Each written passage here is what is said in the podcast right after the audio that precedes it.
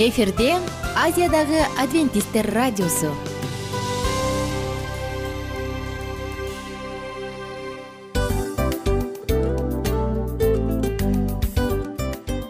Достор салют. Баардык сүйүктүү угармандарыбызга салам айтабыз. Кутман күнүңүздөр менен. Ден соолук өмүрдүн булагы демекчи саламат саамы программасында баарыңыздарды көргөнүбүзгө абдан кубанычтабыз. Анда алгач амандашып өтөлү арбаңыздар деп. Ден соолугуңуздар кандай элибизде көбүнчө ден соолук кандай дегенде эле жакшы деп жооп беребиз э ооруп турсак дагы жакшы дейбиз. Анан мен муну айтып ойлойт элем бул абдан сонун сөз депчи анткени бул жакшы деген үмүт да ооба баары жакшы болот баары сонун. Деп үмүттөнүп атып эле өзүбүздү өзүбүз дарылап коебуз.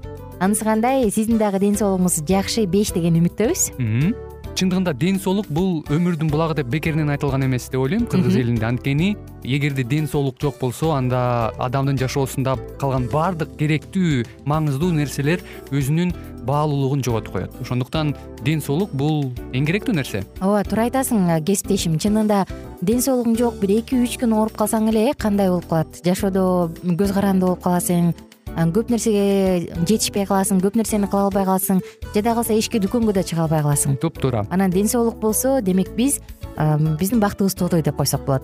Анда достор саламат саамы рубрикабызды баштайлы. Алдыда өзүңүзгө керектүү болгон сонун кеңештерди уга аласыздар. Мына ошондуктан биз менен бирге болуңуздар. Ал эми биз болсо милан жана айнура. Кеттик алга. Алга саламат саама ден соолуктун жарчысы. Саламат саама ден соолуктун ачкычы. Күн сайын сиз үчүн мыкты кеңештер сонун жаңылыктар кызыктуу фактылар биздин рубрикада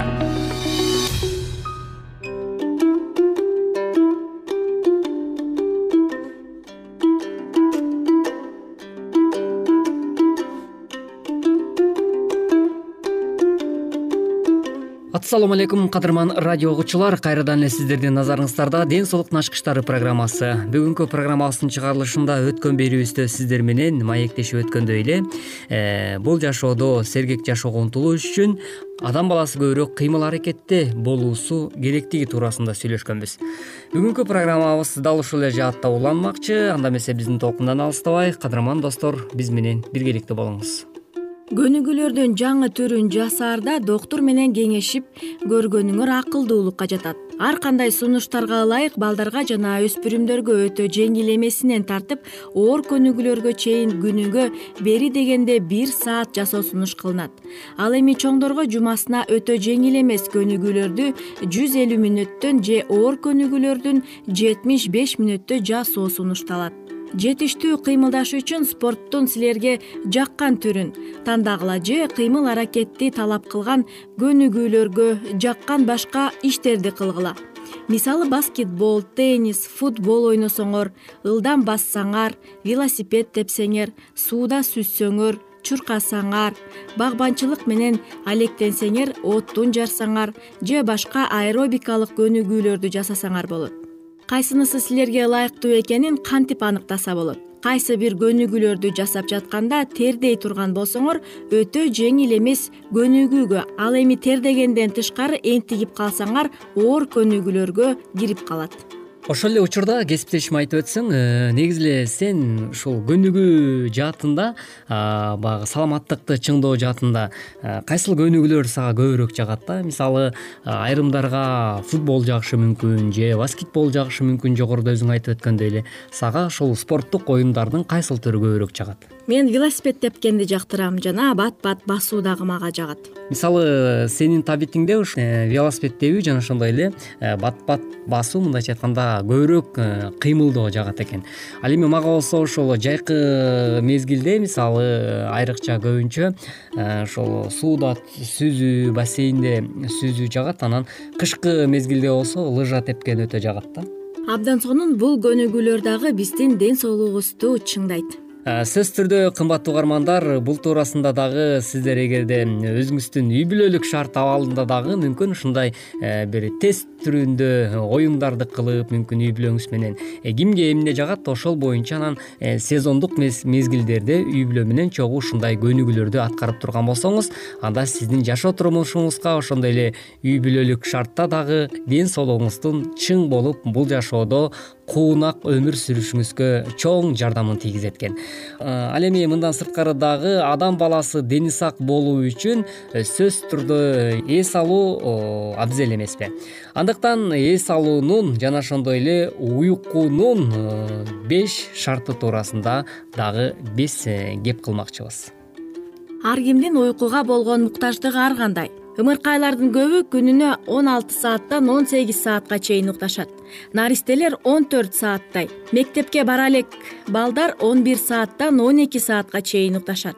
Ал эми мектеп жашындагы балдар эң аз дегенде он саат. Өспүрүмдөр болсо тогуз же он саат. Чоңдор болсо жети сааттан сегиз саатка чейин укташ керек ооба чындап эле саламаттыктын чың болушу үчүн сөзсүз түрдө адам баласына бул туура уктап ошол эле учурда туура эс алуу туура көнүгүүлөрдү жасоо бул дагы биздин э, ден соолугубузга өтө бир жакшы э, өбүлгөсүн э, жаратат эмес. Анысыкарындай өз убагы менен өз маалы менен уйкуну кандыруу дагы бизге өтө чоң мындайча айтканда сергек жашоо тартуулайт экен жетиштүү эс алууга маани бербей койбошубуз керек. Анткени адистердин айтымында жетиштүү уктоо балдардын жана өспүрүмдөрдүн өсүп жетилиши үчүн бир нерсеге үйрөнүү жана жаңы маалыматты эстеп калуу үчүн зат алмашууга жана саламаттыкка таасир эткен гормондор дайыма тең салмакта болуш үчүн жүрөк кан тамыр системасы жакшы иштеш үчүн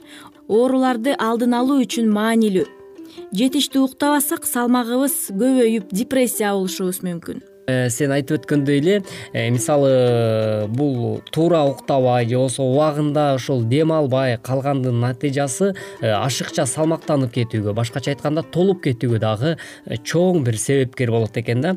Андыктан бул жаатта дагы өзүңүздүн саламаттыгыңызга сөзсүз түрдө кам көрүү ар бирибиздин кол алдыбызда экен кымбаттуу угарман уктабай калсак жана жада калсак кант диабетине чалдыгышыбыз жана э, кырсыкка учурашыбыз мүмкүн. Ошондуктан жетиштүү эс алыш керек. Уйкуңар канбай жүрсө эмне кылсаңар болот. Күндө бир убакта жатып бир убакта турганга аракет кылгыла. Уктаган бөлмөңөрдүн ичи тынч караңгы болуш керек. Ысык да эмес муздак да эмес болуш керек. Төшөккө жатканда телевизор көрүүгө жана башка электрондук каражаттарды колдонбогула жаткан төшөгүңөр мүмкүн болушунча ыңгайлуу болсун.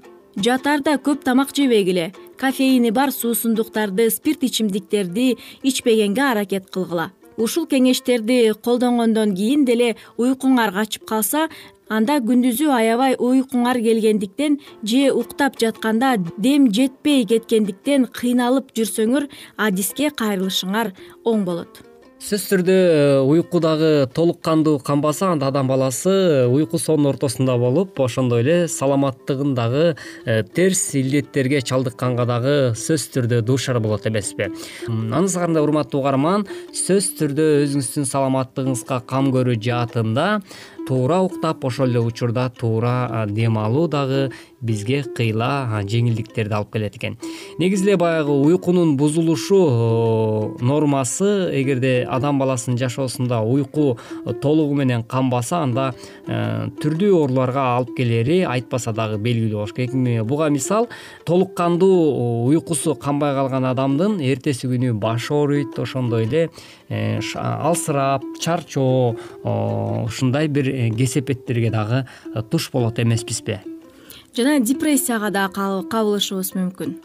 Сөзсүз түрдө э, депрессияга дагы сөзсүз түрдө кабылышыбыз мүмкүн. Себеп дегенде мунун натыйжасында кыжырдануу ачуулануу ошондой эле ар түрдүү өнөкөттүү ооруларга дагы алып келип калышы толугу менен ыктымал ал эми урматтуу угармандар ушуну менен бизге бөлүнгөн убактыбыз дагы өз соңуна келип жетип калыптыр. Кийинки программабыздан кезиккенче ар бириңиздерге э, кажыбас кайрат жана чың ден соолук кааламакчыбыз. Биздин программалардан кезиккенче аман болуңуз жана сак саламатта калыңыз. Саламат саама ден соолуктун жарчысы. Саламат саама ден соолуктун ачкычы. Күн сайын сиз үчүн мыкты кеңештер сонун жаңылыктар кызыктуу фактылар. Биздин рубрикада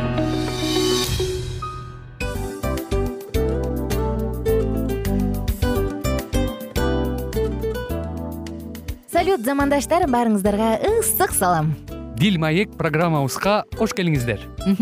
Дил маек рубрикасы дегенде эле бул эмне болгон дил маек? Ким менен маектешебиз деп сурайт болуш керек угармандарыбыз. Бул рубриканы кыскача тааныштыра кетип турган болсок ар тарап кесип ээлеринен болгон сонун интервью кеңештер бар жылдыздар менен болгон маек бар аталарыбыздын агаларыбыздын чоң аталарыбыздан сонун кеңештер бар ошондой эле эже сиңдилердин кеңештери бар айтор. Баардык кызыктардын баары алдыда. Негизи эле адам баласы бир кимдир бирөөнө ишенип сырын ачкысы келет эмеспи э мындай баарлашууга жакын келебиз го? Албетте. Негизи бир жерге отуруп алып кенен шашпай баягы жүрөктөн жүрөккө ачып сырларыбызды ар кандай көйгөйлөрүбүз менен бөлүшүп баягы чын жүрөктөн маек курганды кимибиз сүйбөйбүз э? Ооба десең ал нерсеге суусап да келебиз да? Ооба кээ бирде адамга чындыгында баягы э, ысык маек баягы жылуу маек жетишпейт да. Ошондуктан биз ушул рубриканы ойлоп тапканыбызда эң биринчи эле достор сиздер менен чын жүрөктөн бир маңыздуу темаларды козгоп кеткени э, кааладык. Ошондуктан ушундай сонун бир рубриканы тартуулап жатабыз. Анын үстүнө радио дагы сонун дос да анткени э, мындай учурда досуңа айтсаң досуң досуна айтат досу досуна айтат да анан бүт өлкө билип калышы мүмкүн го. А радио болсо сени сатпаган сенин айыбыңды ачпаган сенин сырыңды эч кимге айтпаган сонун дос. Мына ошондуктан биздин алдыдагы айта турган кеңештерибизди биздин досторубуздун кеңештерин угуп анан ал жака пикириңизди дагы калтырып кайрадан биз менен байланышсаңыздар болот. Деги эле жашооңузга эгерде кичине болсо дагы өзгөрүү алып моралдык жактан нравовалык жактан сонун бир кеңештерди алсаңыз демек биз максатыбызга жеттик. Ооба. Чыңгыз атабыз улуу жазуучу э, чыңгыз айтматов айткандай адам болуу бул күнүмдүк процесс экен. Күн сайын адам бойдон калуу бул адамзатка эң эле кыйын дейт э? э эң кыйын дейт. Чындыгында бунун э, негизинде адамдын эң баягы сапаттуулугу адамдын э, адамгерчилиги жана көптөгөн керектүү нерселер. Мына ошол темалар дагы бизде ушул дил маекте биз аларды да козгойбуз. Ден соолук жөнүндө да сүйлөшөбүз. Сөзсүз түрдө. Анан милан мырза негизи айтып коюшат го биз көбүнчө эмнени ойлонсок? Ошол нерсеге карата иш кылабыз го. Ооба. Анан анысы кандай? Балким бул радио баракчада кимдир бирөөнүн оюн текшергенге жардам берет кимдир бирөөнүн жүрөгүн текшергенге жардам берет. Балким кимдир бирөөгө жашоонун маңызын тапканга жардам берер. Айтор кызыктын баары алдыда бул жөн гана кыскача жарнама анда угармандарыбыздын баардыгын кийинки рубрикабызга чакырабыз. Ал эми кызматта маңдайымда отурган кесиптешим милан жана мен айнура. Анда эмесе биз даярдаган терең терең ойлор менен таанышууга кеттик. Алыс алыс баралык анда эмесе достор биз менен бирге болуңуздар. Алдыда эң кызыктуу маалыматтардын баардыгы бир нече мүнөттөр бою жалгыз гана сизге арналат мына ошондуктан жакшы маанай менен угууну каалайбыз. Үн алышканча. Жөнөдүк.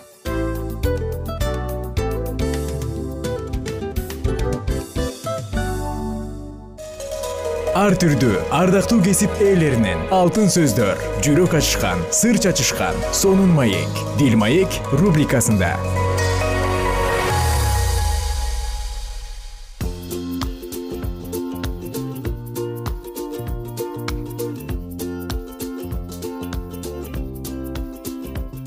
саламатсыздарбы достор? Баардык сүйүктүү угармандарыбызга ысык салам айткан. Мен айнура миназарова кызматыңыздарда акум дил маек уктуруусу старт алды. Демек дил маекте маектешебиз жан дүйнөбүздө болгон окуяны болгон кубанычты болгон ар кандай сар санаа болобузбу айтор. Мунун баардыгын тең төкчү учур келди.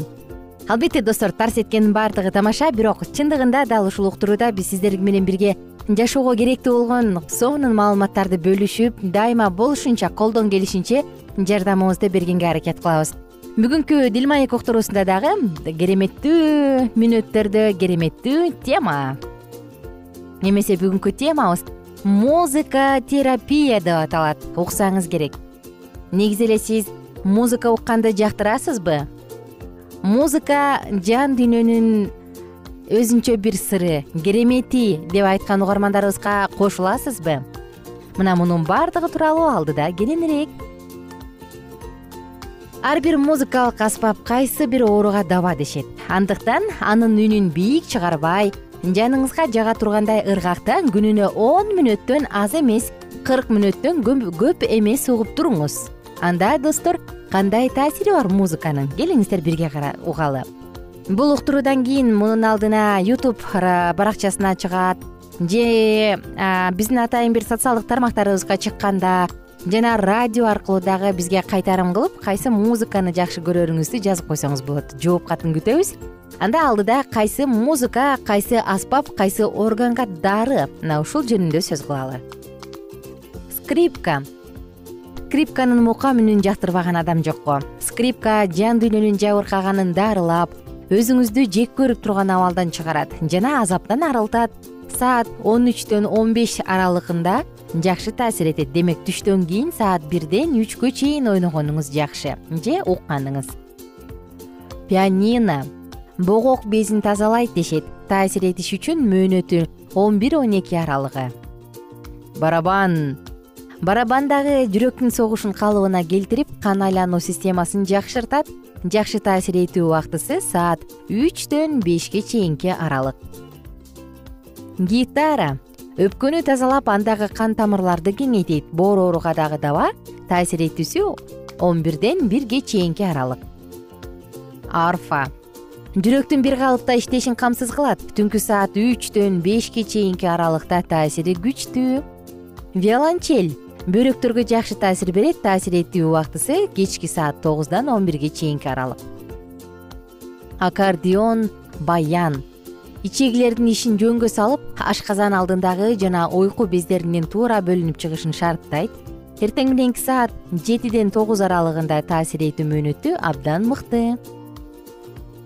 Жана клавишалуу аспаптар ашказан ооруларын дарылайт. Эртең мененки саат жетиден тогуз аралыгында уккан натыйжалуу жана достор габой өттөн иштешин нормалдаштырат. Түнкү саат он бирден бирге чейин. Угуу таасирдүү эмесе музыка терапия деп калбадыкпы келиңиздер дал ушул музыка терапия жөнүндө кызыктуу фактыларды кызыктуу кызыктардын баардыгын бир аз болсо да айта кетели. Анткени эмне себептен силер муну дары деп атасыздар? Эмне себептен музыканын терапиясы бар деп атасыздар? Деп ойлошуңуздар мүмкүн. Кеттик анда музыка терапиясы качан жана кайда пайда болгон биринчи музыкалык медициналык борбор биздин заманга чейинки үчүнчү кылымда парфия кандыгында курулуп ал жан дүйнөсү жабыркагандарды дарылаган. Тагыраак айтканда психологиялык жактан жабыркаган адамдарды дарылап келген. Караңыздарчы кызык биздин заманга чейинки үчүнчү кылымда эле тагыраак айтканда тарыхка өтө бай. Ал эми байыркы египетте хор ырдатуу менен уйкучулукту жойгон. О хор ырдаганда кээде уйку сурасаң көрсө хорду тескерисинче уйку сураганды жоюш үчүн колдонушчу турбайбы. Жана дагы байыркы грецияда радикулитти трубаны чапкылоонун үнү менен дарылаган улуу дарыгер авицена музыка терапиясы тууралуу музыка дарысыз дарылоо ыкмасы деп айткан. Караңызчы кызык э? Дарысыз дарылоо ыкмасы музыка укмуш жана заманбап медицинада биринчи музыка терапиясын он тогузунчу кылымдын башында француз врачы эскироль өз пациентине колдонгон. Дал ушундай ыкма менен ал музыканын жардамы менен адамдарды дарылай алган дешет. Деги эле достор качан гана кандай гана учур болбосун? Биз дагы жан дүйнөбүз кыйналып турганда жүрөгүбүз ооруп турганда сагынып турганда жүрөгүбүздү сооротуш үчүн кызыктуу маалыматтарды эң сонун ыргактарды укканга аракет кылабыз албетте бул учурда кайгылуусун тандайбыз.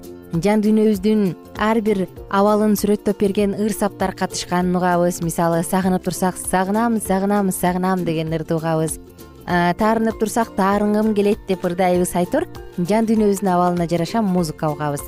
Ал эми бизде кубаныч болгон учурда шаңдуу бийлете турган кыймылдата турган ырларды угуп келебиз. Менин болсо сиздерге кааларым өзүңүз сүйгөн музыкалык аспапты таап алыңыз дагы жан дүйнөңүздү сергитип тыңдап ушундай бир классикалык музыкалык чыгармаларды болгондо да жеңил классикалык музыкалык чыгармаларды угуп жан дүйнөңүзгө сергектик тартуулап туруңуз. Жана да айта кетет элек достор эгерде сиздин уулуңуз кызыңыз же өзүңүз музыкага шыктуу болсоңуз анда мындай талантты көмүп койбоңуз балким комузду колго алып кыякты колго алып же чоорду оозго алып өзүңүз сүйгөн бир хобби менен алектенерсиз анткени чыгарманчыл адамдар чындыгында жан дүйнөсү өтө сезимтал жана башкача келишет эмеспи. Алар музыканы сүйүп турган болсо анда музыка аларга кубаныч тартуулайт достор баарыңыздар менен убактылуу гана коштошобуз. Бүгүн сиздер менен музыка терапиясы жөнүндө сөз кылдык. Эгер бул маалыматты кененирээк билгиңиз келсе интернет булактарынан дагы издесеңиз болот жана өзүңүздүн башыңыз ооруп атканда муундарыңыз ооруп атканда ар бирине ыңгайлуу музыканы таап алып андан ырахат алып туруңуз. Аты жөнүм аку жалпыңыздар менен кийинки уктуруудан амандашканча деп коштошом. Көңүлдүү күн жана бар болуңуздар аман болуңуздар. Жан дүйнөңүз сүйгөн жан дүйнөңүз сакайган сизге ырахат тартуулаган эң сонун музыкалык чыгарманы таап алыңыз. Бар болуңуздар достор кайрадан амандашканча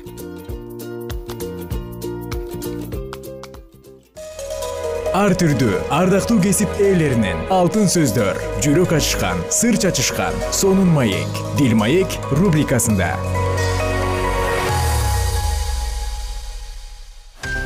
Жан дүйнөңдү байыткан жүрөгүңдү азыктанткан жашооңо маңыз тартуулаган жан азык рубрикасы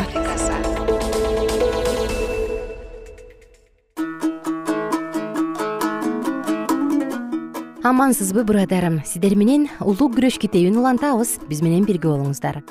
Жалпыңыздарга көңүлдүү эң сонун сааттарды каалайбыз. Пайгамбарлыктарда сот күнүнүн алдында болуп өткөн окуялар жөнүндө айтылган. Бул окуялар даниил пайгамбардын китебине таандык. Бирок даниил пайгамбарга акыркы мезгилдерге тиешелүү болгон пайгамбарлыктарды акыркы мезгилдерге чейин катып же жаап коюу буйрулган бул пайгамбарлыктардын аткарылышына негизделген сот жөнүндөгү кабар бул мезгил келмейинче жарыялана албайт. Бирок пайгамбар айткандай акыркы күндөрдө көптөгөн эл окушат дагы андан акыл табышат. Даниил китеби он экинчи бап төртүнчү аят. Элчи павыл машаяктын келишин анын күндөрүндө күтүүнүн зарылдыгы жок экендигин жыйынга эскерткен.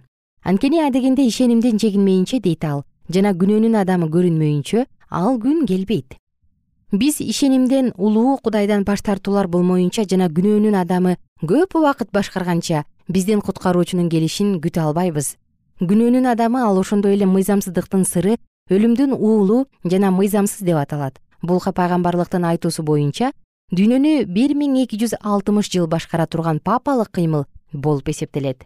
Мезгил бир миң жети жүз токсон сегизинчи жылы аяктаган. Машаяктын келиши ал мезгилге чейин болушу мүмкүн эмес болчу павелдин эскертүүсү бир миң жети жүз токсон сегизинчи жылгы жээнки христиандардын бардыгына айтылган. Ушул мезгилден баштап гана машаяктын экинчи келиши жөнүндөгү насааттар айтыла баштамак. Ушул сыяктуу кабарды андан мурдагы кылымдардагы адамдар угушкан эмес. Павыл дагы биз көрүп турган сыяктуу бул жөнүндө насаат айткан жок. Ал өзүнүн бир туугандарынын көңүлүн машаяк келе турган алыскы болочокко бурат. Ал жөнүндө реформаторлор дагы үгүт таратышкан эмес. Мартин лютер дагы үч жүз жылдан мурун сот мезгили келбейт деп айтып кеткен. Бирок бир миң жети жүз токсон сегизинчи жылдан кийин даниил пайгамбардын китебиндеги мөөр ачылды. Билим көбөйдү жана көпчүлүк адамдар сот күнүнүн жакын калгандыгы жөнүндөгү кабарды салтанаттуу түрдө жарыялай башташкан. Он алтынчы кылымдагы реформация сыяктуу адвентисттердин кыймылы бир эле мезгилде ар бир мамлекеттерде пайда боло баштаган европада да америкада да ишенимдеги жана сыйынуудагы адамдар пайгамбарларды изилдегенге шыктанышып ыйык жазууларды изилдешкен жана дүйнөнүн акыркы акыры жакындап келе жаткандыгы жөнүндө кабарды далилдерин таратышкан. Ар бир өлкөдө ынтааланып изилденген адамдардын топтору машаяктын келишинин жакындаганы анык экендигин билип алышты. Миллер сот күнүнүн жакындаганын билдирген пайгамбарчылыкты талкуулагандан үч жыл убакыт өткөндөн кийин бир миң сегиз жүз жыйырма биринчи жылы машаяктын келиши жөнүндөгү кабарды бүткүл дүйнөлүк миссионер йосиф вольф жарыялай баштаган. Вольф германияда еврейлердин үй бүлөсүндө төрөлгөн. Анын атасы раввин болчу. Ал бала күнүндө эле христиандардын дининин тууралыгын билген. Ал өзү көп нерселерди билүүгө аракетчил болгондуктан өз атасынын үйүндө өтүп жаткан талкуулоолорго абдан дитин бурчу. Ал жерге күн сайын терең ишенген иудейлер чогулушуп өз элинин үмүтү кайгылары машаяктын даңк менен келиши жана израиль элин кайрадан тургуза тургандыгы жөнүндө кеп кылышчу. Бир жолу назареттик ыйса жөнүндө угуп бала ал жөнүндө сурай баштады. Бул абдан акылдуу еврей болгон деп жооп беришти ага бирок ал өзүн машаякмын деп жарыялаган. Ошондуктан иудейлердин трибунасы аны өлүмгө кыйган. Эмне себептен деп суроосун улантты бала. Иерусалим талкаланды. Ал эми биз кулдуктабыз тилекке каршы деп жооп берди атасы. Биз көптөгөн пайгамбарларды өлтүргөнбүз. Вольф мындай деп оюн айтат. Балким ыйса дагы чын эле пайгамбар болгондур. Жана иудейлер анын айыбы болбосо дагы өлтүрүп салган чыгар бул ой аны ушунчалык чырмап алгандыктан баардык тыюу салууларга карабастан ал христиандардын ибадатканаларынын оозуна барып көп убакыттарга чейин насааттарды укчу бир жолу сегиз жаш курагында өзүнүн карып калган христиан коңшусуна барып машаяк келгенде израиль кандай жыргалчылык күтүп тургандыгын айтып мактанат. Жана абышка жай баракат ага мындай деп айтты. Кымбаттуу балам мен сага чыныгы машаяк ким экендигин айтып берем. Бул сенин бабаларың байыркы пайгамбарларды өлтүргөн сыяктуу эле керип өлтүрүшкөн назареттик ыйса үйүңө барып ышая пайгамбардын китебинин элүү үчүнчү бабын окуп көр. Ошондо ыйса кудай тандаган машаяк экендигин көрөсүң. Ал үйүнө келип айтылган бапты окуйт. Жана айтылган пайгамбарлык ыйса машаяктын жашоосунда аткарылгандыгын көрүп абдан таң калат. А балким чынында эле анын коңшусунун айткандары туура чыгар. Бала бул пайгамбарлыкты түшүндүрүп берүү үчүн атасына кайрылат. Бирок атасы каардуу унт жукпай коет ошондон кийин бул туурасында атасынан сураганга эч батынган эмес бирок бул нерселер анын христиандарды дагы толугураак билүүсүнө түрткү берди. Баланын ата энелери ал умтулган чындыкты андан жашырууну каалашкан. Бирок качан ал он бир жашка толгондо өз атасынын үйүн таштап кетти. Өзүнө дин же кесипти иштандаш үчүн дүйнөнү көздөй сапар тартат. Бир канча мезгилдер туугандарыныкында жашап турат. Бирок көп убакыт өтпөстөн аны ал жактан дин сатаар деп кууп чыгышкан. Жана баш калка же акча жок калгандыктан ал башка жерде өз өмүрүнүн жолун куруу үчүн бел байлайт. Бир жерден экинчи жерге кыдырып окуп билим алууну каалаган жана еврейлердин сабактарын окутуу менен жанын сактап турду. Католик үйрөтүүчүсүнүн таасири аркасында ал католиктердин ишенимин кабыл алат жана өз элинин арасында миссионер болууну каалаган. Ушул максат менен бир канча жылдардан кийин римдеги католиктердин миссионердик колледжине тапшырган. Бирок көп убакыт өтпөстөн анын көз карандысыз ой жүгүртүүлөрү жана бетке айткандыгы ага адаштыруучу деген айыптоо алып келет. Ал ачык эле динчилдердин көп нерселерди талап кылгандыгын айтып жана реформа керектигин талап кылган. Ардактуу достор кызыктуу окуянын уландысын сиздер менен кийинки уктурууда улантабыз. Ага чейин сак саламатта туруңуздар. Кайрадан жалпыңыздар менен амандашканча баарыңыздарга көңүлдүү күн эгер иштеп атсаңыз ишиңиз ийгиликтүү болсун уктап жатсаңыз уктайын деп жатсаңыз уйкуңуз таттуу болсун.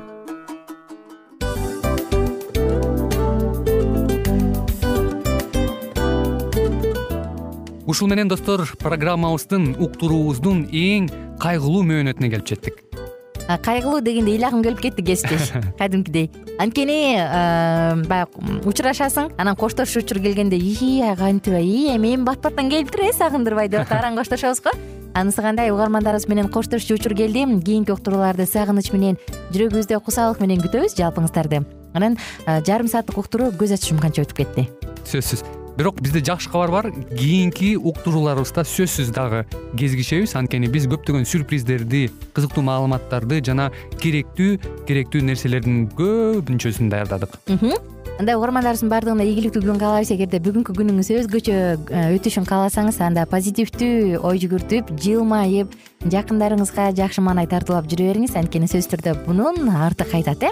Сөзсүз. Баягы ден соолугуң оңолот ал бул деп көп нерсени санап келебиз. Эң негизгиси бул сиздин жашооңузду жаркын кыла түшөт экен. Жараткан кудай ар бирөөңүздөргө батасын берсин жашооңуз ийгиликтүү болсун сак саламатта калыңыздар деп мен милан жана кесиптешим айнура. Баардыгыңыздар менен кийинки уктурууда үн алышканча баарыңыздарга ийгилик каалайбыз